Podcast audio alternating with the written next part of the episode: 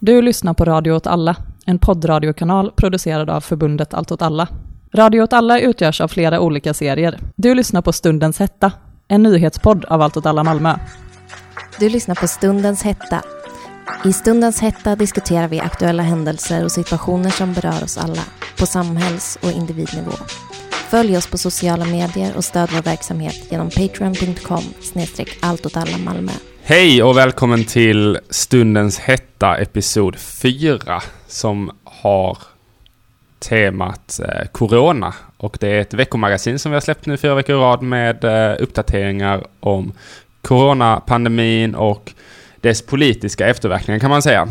Eh, jag heter Hector och med mig idag har jag Lucy. Hallå. Och Kalle. Hej hej. Så, ska vi börja med veckan som har gått. Vad, vad har hänt? Eh, det börjar... Eh, det är egentligen inte kopplat till corona, men det går att ha lite olika teorier om det. Men, men eh, regeringen verkar lägga fram sin utredning om marknadshyror på nybyggnation ganska snart. Och kopplingen till corona kan man väl säga är att det kan vara så att den skulle läggas fram nu oavsett vad, men det är ju ett väldigt opportunt läge för regeringen att lägga fram ett väldigt, väldigt, väldigt impopulärt förslag eller eh, underlag till ett förslag eh, under en tid där eh, media och liksom den allmänna eh, förståelsen av vad som händer där ute eh, finns någon helt annanstans. Eh, så det kan man ju säga är en sak som har hänt. Eh, kan man säga någonting om själva pandemin? Eh, man kan väl säga, eller åtminstone i Sverige, så kan man väl säga att man har en fortfarande ganska plan eh, smittspridningsutveckling i Stockholm. som man börjar prata om ändå att den börjar eh, liksom sakta ner, eller kanske sakta ner men åtminstone inte accelerera. Och att smittspridningen i de andra regionerna så här inte heller har liksom ballat ur än kan man säga. Eller så mm. i Skåne, Västra Götaland och så. Eh, Skåne har väl fortsatt, eller där vi är i Malmö så är det väl fortsatt en, en väldigt, liksom i förhållandevis eh, väldigt ringa. Man, man räknar att vi är tre till fem veckor efter Stockholms utveckling. Mm. Så det kan man väl säga om, om, pandemin i Sverige i sin, sin helhet. Sen är det rätt många denna, länder denna veckan som har börjat eh, öppna upp. Det pratade vi om redan förra veckan. Att eh, Danmark och Norge där, och Danmark gör det ju Mm. Eh, I etapper lite så, med lite olika varianter. Men vet, det kommer också bli jättespännande att se mm. vad som händer med det. Om det var det rätta beslutet eller om det rätta beslutet var att aldrig stänga ner. För att folk, ja. Vi får facit om Tegnell vann. Exakt, vi får ju fram, eh, framförallt så kommer vi få facit om kanske typ ett år, vem ja. som hade rätt. Det är det Precis. som är störigt med det här. Jag har också läst att eh, Tyskland har kommit under en en så pass låg smittspridning så att det inte klassas som en epidemi mm. i Jaha. Tyskland längre. Mm. Men eh, det här togs fram av någon eh, mattesnubbe ah. på något svenskt universitet. Så att eh, jag vet inte hur trovärdig den källan är. Men, eh. En annan grej man kan säga, nu, nu blir jag ju bara Anders Tegnell fanboy här nu, men en annan grej man kan säga är att det har ju skett en utveckling där flera eh, forskare i andra länder har börjat vara så Sverige gjorde rätt. Just det, det har kommit flera sådana uttalanden denna veckan. Ja. ja. Och det vet vi fortfarande inte om det är sant. men, men... Kommer avkräva en ursäkt av alla stater som har snackat skit om oss. ja, men en annan grej som har hänt är ju oljebörsen. Ja, precis. Låt oss aldrig lämna Just den. Det. Förra veckan pratade jag om den vanliga börsen. eh, och att den borde falla mer. Och sen på måndagen efter så, så fick oljeproducenterna betala pengar för att bli av med oljan. Va, vad betyder Precis, det? Precis, jag ska komma till det. Vad är det som egentligen har hänt? Vad man kan säga är olja, att handla med råvaror verkar så som när jag har försökt sätta mig in i det här var, det är lite av en djungel liksom. Eller det är inte mm. så som att man köper en råvara på en affär eller så. Och det är inte heller att handla med en aktie riktigt. Men dels så finns det, för det första så finns det olika oljor i världen. Eh, alltså, och det handlar om ursprunget på oljan. Så det finns till exempel det man som är riktoljan, den heter Brent. Och det är Nordsjöolja, alltså det vill säga olja som produceras eh, i eh, Nordsjön, alltså i europeisk olja. Alltså Storbritannien, eh, Norge, eh, Danmark har väl någon enstaka liten oljeslatt. Eh, ehm, och så vidare. Ehm, den, den oljan har, har stått ganska stilla. Sen finns det lite andra oljor. Det finns eh, rysk olja, det finns saudisk olja, det finns... Och sen så det som har varit intressant i veckan är att det finns amerikansk olja. Det är den oljan som heter VTI. Eh, och I USA så utvinner man relativt dyr olja. Det är för att man har skifferolja som är alltså fracking, alltså Mm. eh, oljesand, som är en ganska kostsam produktion av olja. Och sen så har man eh, oljeplattformar på ganska eh, djupt vatten. Och det är ganska dyrt. Så de har haft ganska höga priser. Så de har drabbat ganska hårt av den här olje eh, prisfallet som kom redan i början av mars. Och då föranleddes det egentligen av ett mer ett priskrig mellan Saudiarabien och Ryssland. Som finns väl dokumenterat i podden Eld och rörelse. Alltså som handlar mer om den, den politiska faktorn i att liksom vilja pressa priser och utmana varandra. Eh, och så vidare. Sen så har det ju dessutom kommit en pandemi ovanpå det här. Som ju innebär att flygplan står stilla, skepp står stilla, bilar står stilla och kanske framförallt fabriker står stilla. Mm. Så att efterfrågan på olja har minskat drastiskt. Mm. Ehm, det försökte man komma lite överens om med någon sån överenskommelse med de oljeproducerade länderna eh, runt eh, påsk. Man hade ett möte på skärtorsdagen. Eh, där man helt enkelt sa att vi, vi slutar producera så mycket olja. Mm. Sen visade det sig att det var alldeles för lite man ska ner i produktionen. Man ska ner, tror jag, 10 miljoner fat. Nu vet jag, nu är det så, så svårt att uppskatta om det är per dag eller vecka eller vad det var. Hur som helst så vad som hände i USA då, det är att efterfrågan har minskat så pass mycket att man har fyllt på hela sina reserver. Mm. Eh, så att man har haft fulla lager men ingen som vill köpa. Och så när terminerna, och det är på det ett, ett av sätten man handlar med olja, det är alltså ett kontrakt att säga jag kommer köpa olja för det här och det här priset i maj. Vad innebär det att, att det? Alltså innebär det att man måste frakta det själv? Och, Ja, precis. Att om man köper en termin så måste man liksom, då, man, då köper man den fysiska oljan. Mm. Alltså det är ungefär som att säga, jag vill köpa 500 kilo jordgubbar till ett pris av 20 kronor på midsommarafton. Mm. Och så kan det ju vara så, det kan ju vara en bra Det är en deal. grej folk gör. Nej, det tror jag inte. Alltså jag, bara för ett exempel. Det är en Med genialisk idé annars. att börja handla jordgubbar med terminer, det förekommer säkert hos Ica och Coop eller vet fan. Jag vet inte. Eh, även kaffe och sånt, alltså vissa råvaror och sånt eh, handlas, vete och sånt kan ju handlas på, på en global marknad. Men det behöver vi inte ta nu. Men om man säger så att då skulle man köpa det för 20 kronor på midsommarafton. Sen kan det ju vara så att det blir en jävla pangsommar. Mm. Och att eh, all annan, eh, alla andra OR kostar 10 kronor midsommar. De har gjort en, liksom en, en dålig deal. Mm. Och om det blir en riktigt kass sommar där alla jordgubbar kostar 45 kronor, då man har liksom bundit upp sig på att köpa på 20 kronor. Så har man gjort en bra deal. Så det är kanske lite så. Men de här terminerna gick då ut i... eh, De skulle gå ut i tisdags blir det väl. Ehm, och då så var det ju så, då skulle man behöva hämta olja för det gick ju inte att lagra den någonstans. Så då behövde man ju hämta oljan. Och då insåg investerarna att det här vill vi fan inte vi ha på halsen för vi kan ju inte sälja det här till någon. Eh, Så vad fan ska vi göra? Vi måste sälja av terminerna till varje pris. Mm. Så det gjordes och det ledde till ett extremt prisfall. Eh, alltså typ 99%. Alltså att, Mm. eh, och att det under perioder av dagen till och med blev ett negativt pris. Mm. Och det är lite svårt att förstå sig på. Och det är det nog. Alltså så. Det har typ aldrig hänt. Men det det handlar om det är att oljeproducenterna måste bli av med sin olja för att de kan Mm. inte sitta på den själva. Så de måste betala någon för att hämta den. Alltså, Mm. Det är jättespännande just när sådana situationer av överackumulation sker. Mm. Jag- vet att David Harvey som är en favoritteoretiker, han, han pratar ganska mycket om ett eh, exempel som är när en så extremt eh, rik knarklangare i Mexiko, jag kommer inte ihåg vem av dem, eh, började få liksom för mycket pengar. Att, för att alla de pengarna behöver hållas kontant liksom, så då Mm. behöver de lagras någonstans och så började det liksom bli ett problem för Mm. att så många mängder pengar kräver en stor lokal, Mm. kräver liksom att man tar hand om den. Och så efter ett tag så började det bli så för dyrt att ta hand om den. För det är liksom priset på att förvalta alla mina kontanter är högre än det jag tappar på att råttor äter dem. Precis. Precis, och det, men det, det är lite det som har hänt. Så, så hur kan man då se... Det här var liksom en snabb recap på vad som hänt. Nu kan man säga, nu det, vi spelar in det här fredag den 24 Mm. och nu har priset på både VTI-olja och Brent-olja och all olja egentligen. Det har liksom återhämtat sig för all, alla oljepriser mer eller mindre föll ganska kraftigt i, Mm. i skenet av det här. Nordsjöoljan föll ungefär 25% under tisdagen tror jag.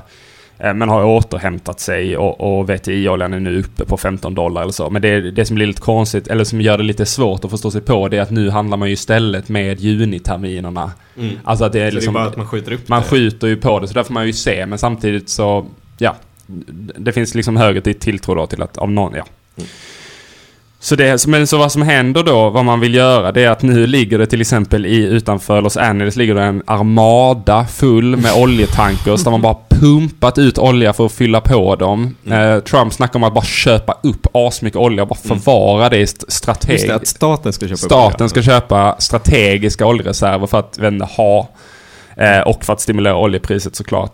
Eh, jag vet att även i, i det första prisraset så skickade Saudiarabien ganska stora mängder tankers också till USA. Och jag vet Mm. inte liksom så om det var för att typ tanka på eller för att undersöka. Ja, men, så. Mm. Det sker liksom... Vad man kan säga just med oljepriser det är ju att det blir en ganska... Det, för jag vet att du Lucy frågade förra veckan var så, vad påverkar det här egentligen oss? Typ så de här börsfallen och så. Mm. Och med liksom det här så känns det mest som att det blir en geopolitisk instabilitet i Mm. att vissa länder plötsligt får mycket mer makt för att de kan ha mycket bättre kontroll på oljan eftersom de kan Mm. producera billig olja. Det ska också tilläggas med de här olika oljorna att olika oljor är olika dyra att ta upp. Ja. Till exempel i Saudiarabien så ligger oljan ganska grundligt och den är väldigt liksom lättåtkomlig.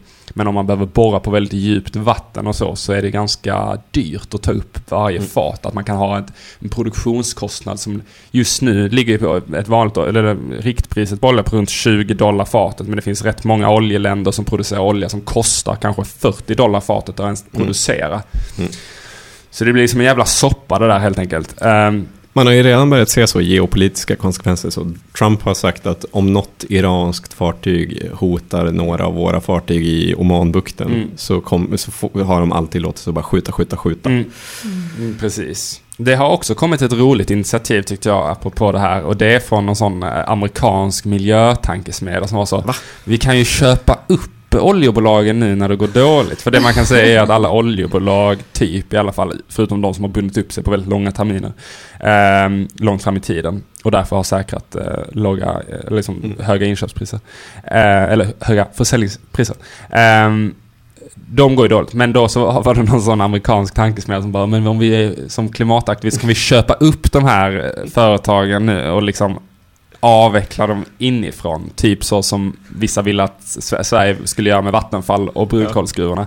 Fantastiskt. Jag vet inte om man har missat att även om ett oljebolag typ minskar sitt värde med hälften så kostar ju typ ett oljebolag en halv eller typ så här 500 miljarder. Eh, och liksom hur folk ska hosta upp de pengarna Man ska, återstår väl att se. man ska inte heller blanda ihop värde på ett bolag med värdet på dess varor. Precis, utan värdet på bolaget som vi snackade om med börsen förut. Det är ju spekulation i vad värdet kommer Ja. vara sen. Mm. Exakt. Och det finns ju ingenting som säger, just nu i alla fall, som säger att oljemarknaden kommer för evigt försvinna. Nej, det är väldigt intressant. Jag lyssnade på Peter Dystopias Oljemissbruket. Som jag varmt rekommenderar. Ehm, men det här med att man försöker rädda oljan också till varje pris. Att vi har olja, och jag hade inte insett i hur stor grad, men att vi har olja i allt. I alla produkter, i plast. För att producera mat, bränsle och så vidare. Så att det, det kommer ju alltid finnas tills vi hittar något annat. Precis, och det är också anledningen till att det blir en sån geopolitisk maktfaktor i att ha kontroll över, över både prissättningen men också produktion Mm. eh, av olja. Så.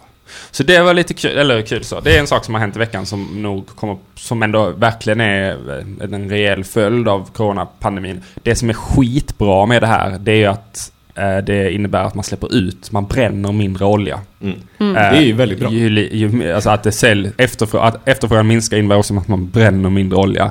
Mm. Eh, man har sett sådana satellitbilder så på eh, koldioxidutsläpp. Skit eh, nice. Mm. Det kan man tänka på och att fortsätta med.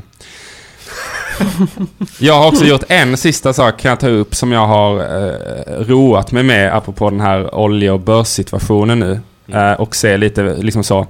Fan, eh, jag pratade om småspararna och pensionsspararna förra veckan så. De går back så kan jag tänka mig så. Men fan, vad nice om typ man kan kolla hur, hur mycket back de jävligt rika människor går. De borde gå skitmycket back nu.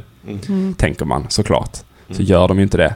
Men eh, så att jag har varit inne både på eh, både Forbes och Bloombergs. Alltså två... Eh, två Fantastiska hemsidor. Ja, två, två fantastiska hemsidor. Två, det är väl typ magasi, ekonomimagasin kan man Ja. kalla det. Men så kollade jag i alla fall så. mm, Men hur har då världens rikaste man då eh, haft det nu under coronatiden? Och det är Jeff Bezos som äger Amazon. Som är en jättestor näthandel som finns framförallt i USA men också i typ alla länder. Jag tror att de bygger serverhallar utanför typ eh, Eskilstuna. Det finns sånt. serverhallar för eh, Amazon lite överallt men de är väldigt poppis i Sverige. Mm. Vi, har, vi har ett kallt klimat, det gillar serverhallar. Precis. De bygger jävligt dyra servrar. Det är en annan historia också. Nej, men på nyårsafton så hade han 115 miljarder dollar. Mm. I dagens dollarvärde så är det över en, eh, blir det biljard, blir det va? Ja. Nästa 10 upp där. Eh, svenska kronor. Sen så den 19 februari så hade det ändå ökat till 30, 132 miljarder dollar. Mm. Nice. För, eh, för Jeff Bezos. Och sen eh, så kom coronan och då förlorade Jeff Bezos 30, nästan 30 miljarder dollar. Eh, Så den 12, 12 mars hade han 105 miljarder dollar. Men idag, fredag den 24 april, mitt i den här krisen, så tänker man gud vad han borde ha förlorat ännu mer. Kanske nere på 70 miljarder dollar. Nej, absolut inte. Utan Jeff Bezos har istället bara levlat. och har nu 145 miljarder dollar. Så han har liksom sen liksom, coronan slog rejält ökat sitt värde med 40 miljarder dollar. Alltså 400 nä- närmare miljarder. en halv biljard svenska kronor. Ja, men om vi, om vi lämnar då eh, rika människor med mycket pengar, vi lämnar oljan, så har jag eh, kollat på en annan händelse som hände i veckan, eller i förra veckan, och det är Polen. Polen har idag, sen innan liksom en av Europas strängaste abortlagstiftningar, där det bara är tillåtet att göra abort om du har, fostret har en abnormal tillväxt.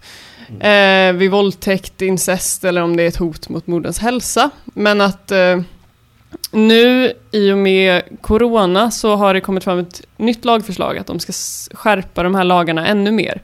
Så det ska bara vara tillåtet i undantagsfall om det finns en allvarlig abnormalitet med fostret.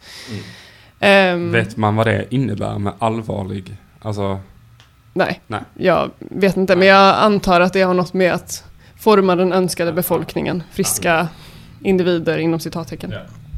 Ehm, och det här är ganska intressant. Jag tänker lite på det Martin pratade om i förra avsnittet om vad som händer i en kris. Att det inte är helt ovanligt att man vill införa ett kontroversiellt lagförslag i kris. Coronapandemin har inneburit att kvinnor i Polen som tidigare har kunnat åka utanför landets gränser för att utföra abort eller beställa hem abortpiller inte har kunnat göra det nu. Och heller inte kunnat demonstrera, för att det här lagförslaget var uppe på kartan 2016 också. Ehm, men stoppades eh, tack vare massiva demonstrationer. Mm. Och eh, det är en väldigt läskig utveckling att eh, medan andra länder försöker kämpa för folks hälsa så finns det också tendenser att göra det svårare för folk att ta hand om sin hälsa för att graviditeter kommer ske och aborter kommer ske ändå. Eh, jag har kollat lite på hur det har sett ut under tidigare kriser. Och då tänker jag framförallt på The Patriot Act. Mm. Som eh, är USAs, för att bekämpa terrorismen inom citattecken, Mm. en, eh, vad ska man kalla det, ett lagförslag? Eller en, en lag, en policy. Eh, som infördes i USA en och en halv månad efter 9-11 hade skett 2001. Mm.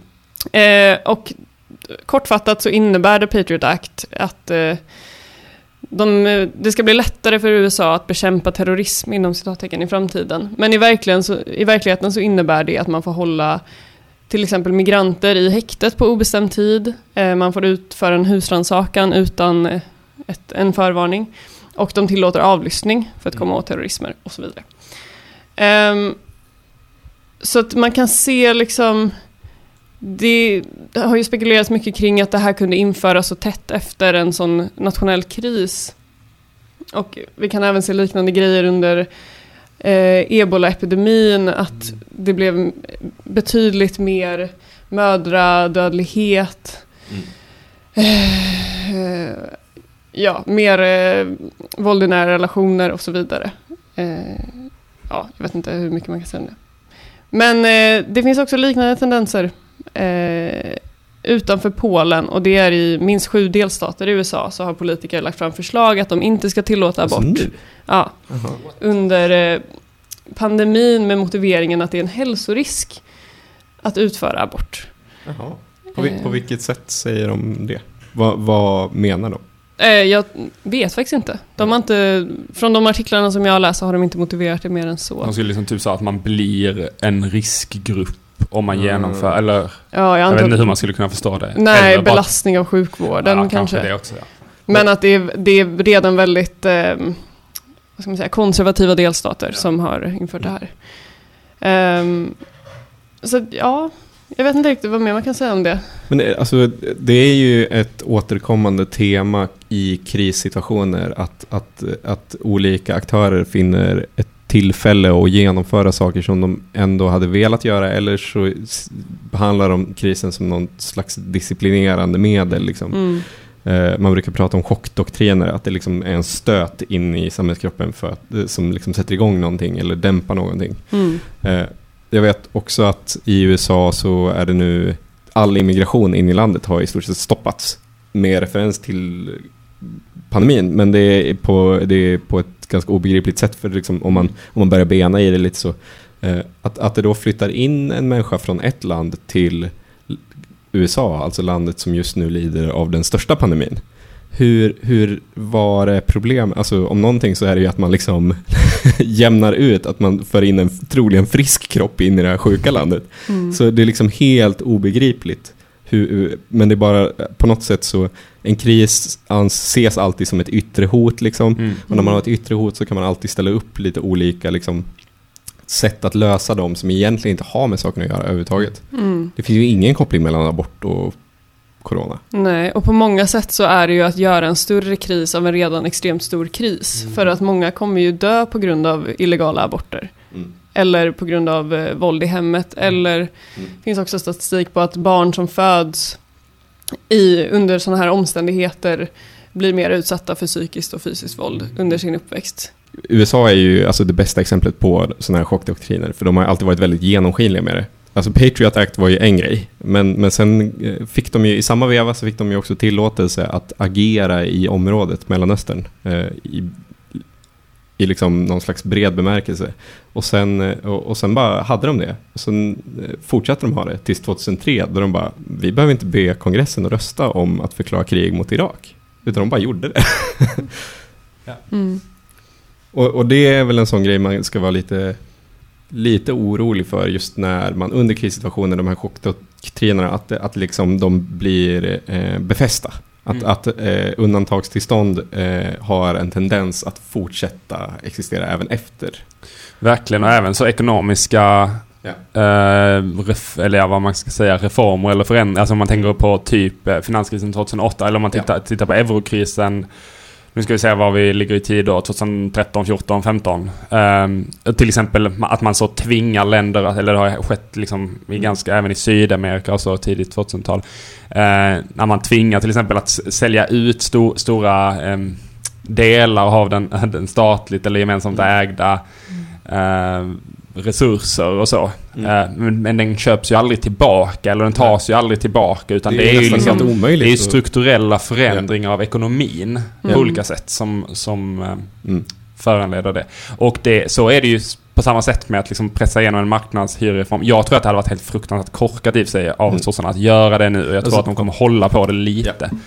Men... eh, Jag tror inte att de kommer, eh, förslaget kommer inte läggas fram för att först ska det ske en utredning och utredningen ska bearbetas och så vidare. För att det är ett jävla maskineri det här liksom. Men, men det är ju ändå lite oroväckande.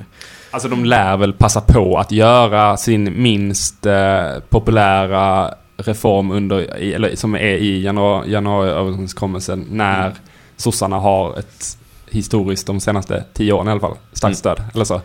Mm. Jag tror också att man kan, man, man, eh, när man pratar om så chockdoktriner och kriser så får, hamnar man alltid på en väldigt hög skala. Man börjar prata om så olje, geopolitiska oljefrågor och så vidare. Man pratar om finanskrascher och så vidare. Men jag tror att man också inte ska glömma att den lokala skalan finns det också politiska aktörer i som kan utöva liksom, krispolitik. Ja. Eh, jag tror till exempel att de chockdoktriner vi kommer se i Sverige, eller redan ser, är nog i huvudsak inte i, på nationell skala, utan det kommer ske på väldigt många kommuner och Mm. regioners skala. Mm. Ja precis, man kan ju skala ner det liksom till, eller det är ganska många arbetsplatser som kommer att ta det här tillfället i akt i att Ja. så bli av med dem man inte vill ha där Ja. och eh, Mm. genomföra det här och det här och inte gå igenom sin, Alltså det Ja. finns många sådana varianter, ja men verkligen att man kan se det på alla nivåer på något sätt ja. Mm. Men jag tror att det viktigaste också är att komma ihåg att, som du sa, att eh, även om någonting går igenom under en tid av chock eller om de, det sägs vara tillfälligt, som till exempel det här i de sju staterna i USA, att man inte ska få tillåtas göra abort under pandemin, att det är sällan det dras tillbaka. Mm. Och om lagförslaget går igenom i Polen så kommer det inte ändras på väldigt, väldigt länge. Men en annan grej med Polen är väl också att, för, för de ville väl genomföra exakt samma sak för några år sedan. Precis, 2016. Men de mötte det så extrema mängder protester vill jag minnas. Mm. Och nu har man sett protester i Polen också. Folk Mm. har trots eh, att de inte får tagit sig ut på gatorna i bilar, Mm. i, på cyklar och eh, demonstrerat, men det är ju inte alls i samma skala som, eh, som det var 2016.